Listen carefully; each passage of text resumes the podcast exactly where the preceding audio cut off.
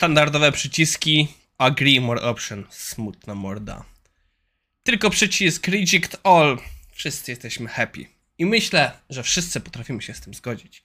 A w IT Mornings o DevOps i SRE, li, lisie skarby w Skyrim i kubek różności. Zaczynamy!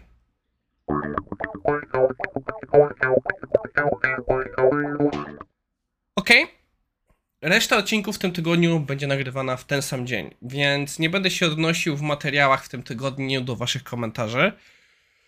Dlaczego? W dużym skrócie. Zbliża się koniec mojej przygody z obecną firmą i od 1 września zaczynam proces w nowej firmie. Oznacza to, że mam dużo tematów do dopięcia. E, też parę rzeczy prywatnie mi się wydarzyło, co oznacza, że w tym tygodniu i w przyszłym będę miał bardzo mało czasu. Bo na przykład w przyszłym od praktycznie wtorku będę w. No po prostu będę wyjeżdżał do Warszawy i będę niedostępny przez parę dni. Więc muszę trochę rzeczy nagrać wcześniej. To nie znaczy, że dzisiaj nagrywam odcinki od razu na przyszły tydzień. To będę robił w sobotę albo w niedzielę.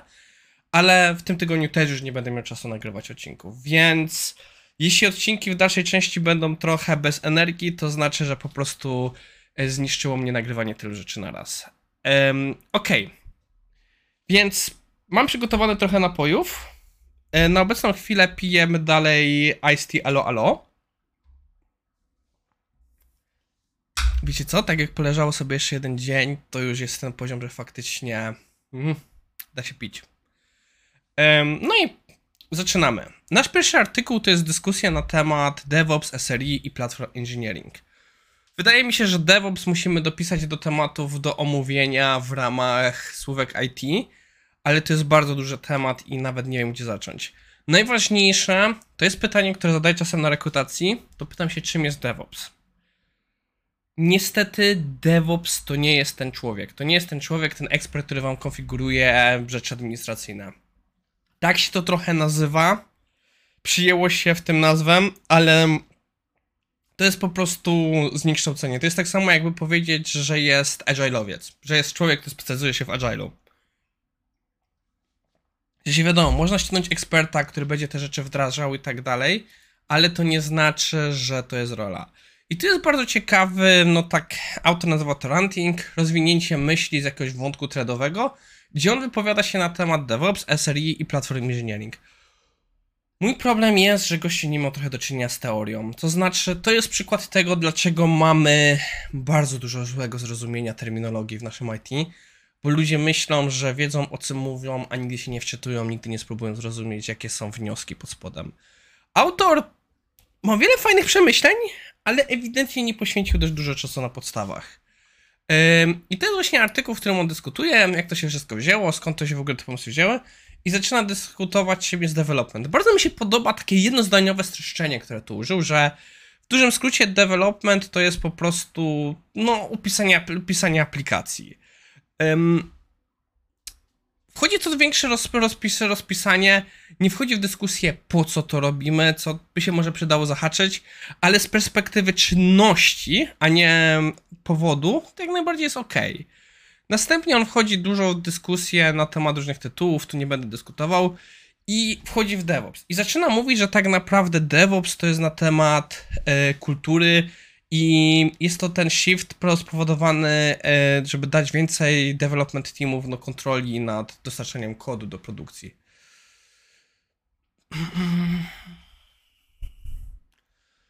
Nie jestem pewien, czy się zgadzam. Widać właśnie, że gościu mówi, że nigdy nie wchodził w żadne oficjalne definicje, nigdy nie próbował tego zrozumieć. I po części zgadzam się z tą częścią, że to jest cultural shift. Ale no, ja bym powiedział, że bardziej jest to pomoc w tym, żeby organizacja stała się learning organization. Żeby mogło być możliwe szybkie produkowanie, szybkie właśnie dostarczenie rzeczy na produkcję, żeby nadążyć za potrzebą zmiany, bo w tej chwili time to market jest bardzo istotne.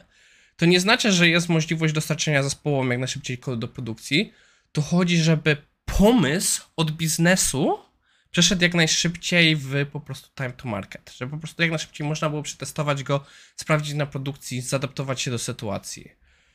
Musimy kiedyś porozmawiać sobie o DevOpsie dłużej. W najbliższym czasie będę w końcu robił, nagrywał recenzję paru książek, więc będzie okazja.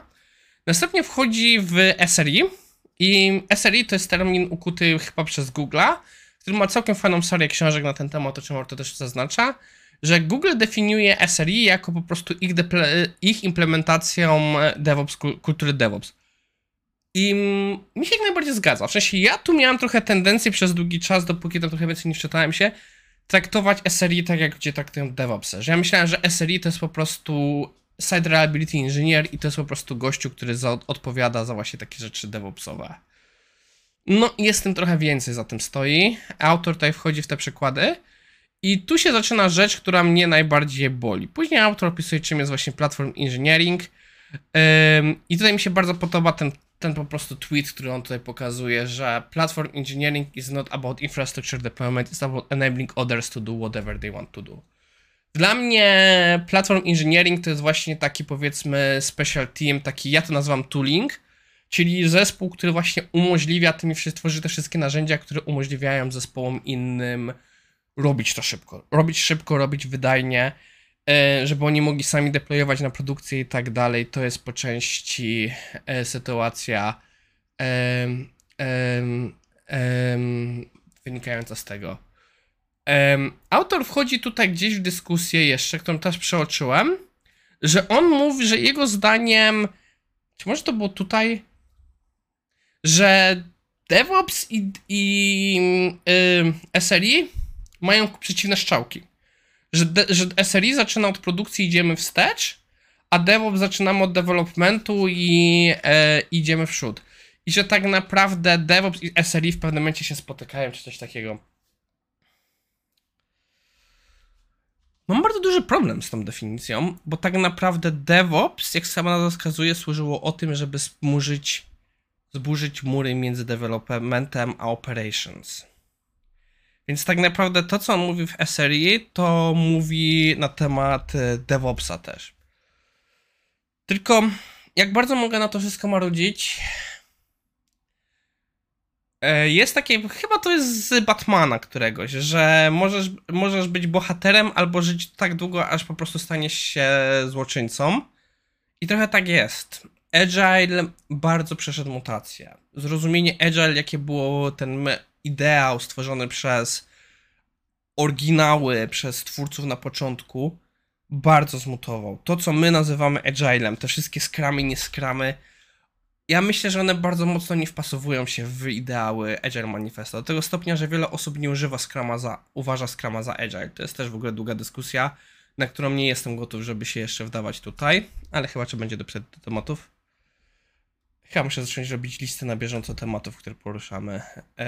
No więc jest to skomplikowany temat. Te wszystkie rzeczy mutują. Tak samo e, autor e, właśnie De Gaulle pokazywał, że tak naprawdę tylko 1-2% faktycznie spróbowało rzeczy jego zaimplementować. Reszta się bała, reszta bardzo mutowała jego terminologię i tego są konsekwencje.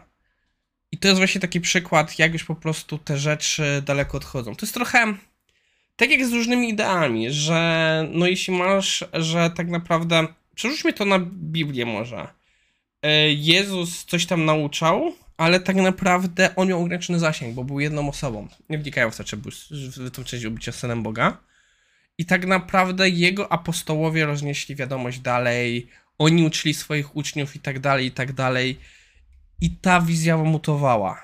Tak samo ja trenowałem Aikido. E, przepraszam, zapomniałem jak się nazywał oryginalny kreator Aikido.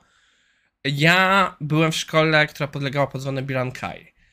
E, Chiba Sensei nazywał się założycielem te, tej szkoły, który to właśnie pod twórcą Aikido. I wraz z tym, kiedy oni opuszczali jego lekcje, kiedy wychodzili i tak, ich style mutowały, zmieniały się. I trochę tutaj to się dzieje. DevOps obrzeżach tego już odeszły bardzo daleko od tych ideałów Moim zdaniem w tym wypadku to szkoda, bo to mm, problemy, które one rozwiązywały, znikają.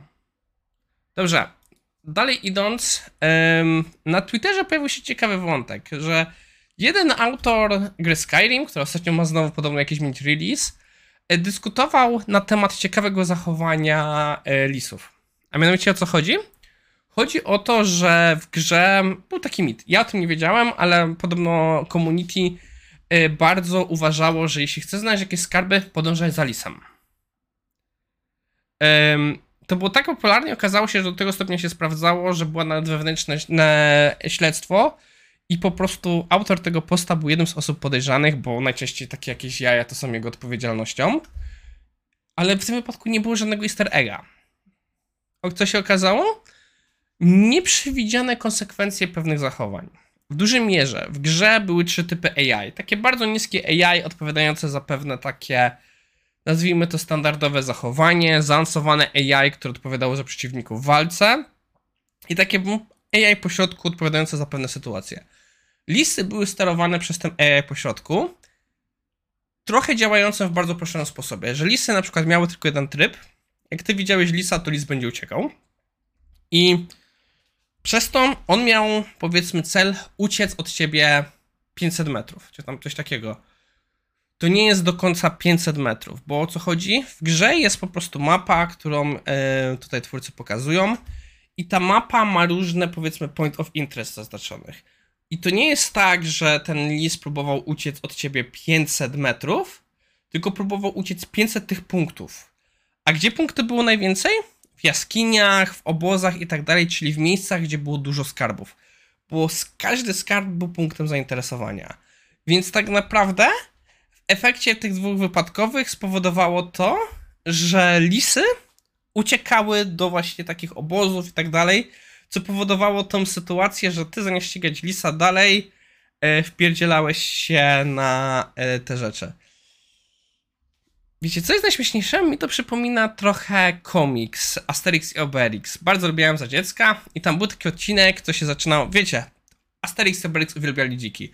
Że dwa dziki jadą sobie spokojnie i się nie jeden się nie przejmuje, drugi jest jakiś przerażony i że zaraz spotkają Galów i że po prostu jest taki kompletnie opowiadek, całe ta jego rodzina została wybita przez Galów, a ten drugi ma spoko. I nagle pojawia się Asterix Obelix i zaczynają spierdzielać. Tam, tam a już, już się modlę o ten, o moich przodków, do moich przodków, a ten spoko, spoko, spoko i wprowadza ich na, prosto na patrol Rzymian. No oczywiście Asterix i Obelix widząc Rzymian to idą się napierdzielać, więc dziki mają czas spokojnie zwiać. Może odszedłem za daleko. O co mi z tym chodzi? Zobaczcie, Jaki to jest piękny przykład nieprzewidzianego zachowania, czegoś, do czego testerzy się przydadzą.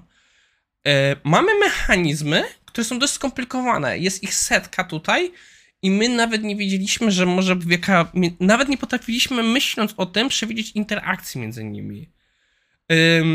Po fakcie to się wydaje oczywiste. No kurde, faktycznie to ma sens, ale czy jakbyś projektował takie rozwiązanie, wybrałbyś tą opcję, bo to ma sens, jest proste? Czy by przewidział, że to się wydarzy? No oni nie przewidzieli. Ja bym też o tym nie pomyślał, więc ciekawa rzecz. Ok, na zakończenie yy, porozmawiamy sobie o release albo deploy, a deploy. To jest pytanie, które zadał mi yy, mój podopieczny Paweł i po prostu yy, zauważył, że ludzie używają tych po, po, e, terminów trochę na przemian i chciał mnie dopytać, jak to jest, więc po pierwsze, jak w wypadku większości terminologii, musicie sobie uświadomić, że są kwestie lokalne, czyli że coś u mnie tak się nazywa, to nie znaczy, że u was tak będzie. Ale deploy i release ogólnie mają dość stałe znaczenia. I deploy to jest po prostu wyrzucenie, no, wyrzucenie, umieszczenie czy rozpakowanie kodu na serwerze, żeby można go było używać. To znaczy, że na przykład jeśli mamy e, build, i chcemy go umieścić na środowisku testowym, żebyśmy go przetestowali, żebyśmy mogli go testować, to jest deploy, to nie jest release. Czy spotkałem się w takim wypadku z życiem terminu release? Nie. Nie dziwiłbym się, jakby gdzieś tak używał, ale definicyjnie to jest deploy. Release oznacza, że my biznesowo udostępniamy funkcjonalność, czyli w momencie jak robimy release, to po prostu użytkownicy końcowi mają dostęp do tej funkcjonalności. Um, tutaj właśnie możemy wchodzić w dyskusję, czy alfa, beta i gamma testy z poprzedniego odcinka to też są relisy, czy nie? Przyznam się szczerze, nie wiem. Tak samo testy AB, o których kiedyś będziemy musieli porozmawiać, też nie wiem, czy są relisem. Um, ja bym powiedział, że testy AB są relisem, ale to jest dyskusja na kiedy indziej. Um, nie wnikałem jeszcze w definicję. Co jest ważne w tym wypadku, to oznacza, że deploy na produkcję nie oznacza release'a, bo my możemy coś zdeployować na produkcję i nie musimy tego użyć. Na przykład możemy to zdeployować i schować to za flagami. I w tym wypadku mam odpowiedź na pytanie, na które nie miałem przed chwilą. E, testy AB to dla mnie nie do końca jest release. Możemy to ukryć. Możemy mieć nawet e, green, blue-green deployment. Co to znaczy? To znaczy, że deployujemy rzecz na jedną parę serwerów i póki co drugi para serwerów przyjmuje ruch i później robimy w ramach release'a przełączenie i nasze nowe serwery przejmują cały ten ruch. Nasze stare są aktywne jakby coś tutaj poszło nie tak, możemy je znowu zamienić. To jest tak, że termin kiedyś będzie musieli trochę bardziej rozszerzyć, ale na razie to wystarczy. Yy, czyli podsumowując, deploy to jest po prostu rzucenie kodu, którego już można używać. Release jest udostępnienie tej funkcjonalności użytkownikom końcowym. I tyle na dzisiaj. Mam nadzieję, że Wam się podobało. Dajcie mi znać, co o tym wszystkim sądzicie. Um, zbieram coraz więcej feedbacku o Was na temat Miro. Widzę, że Wam się podoba. Też jestem szczęśliwy, że od czasu do czasu dajcie komentarze, jak są jakieś literówki i tak dalej. To też mi pomaga. No i do zobaczenia jutro.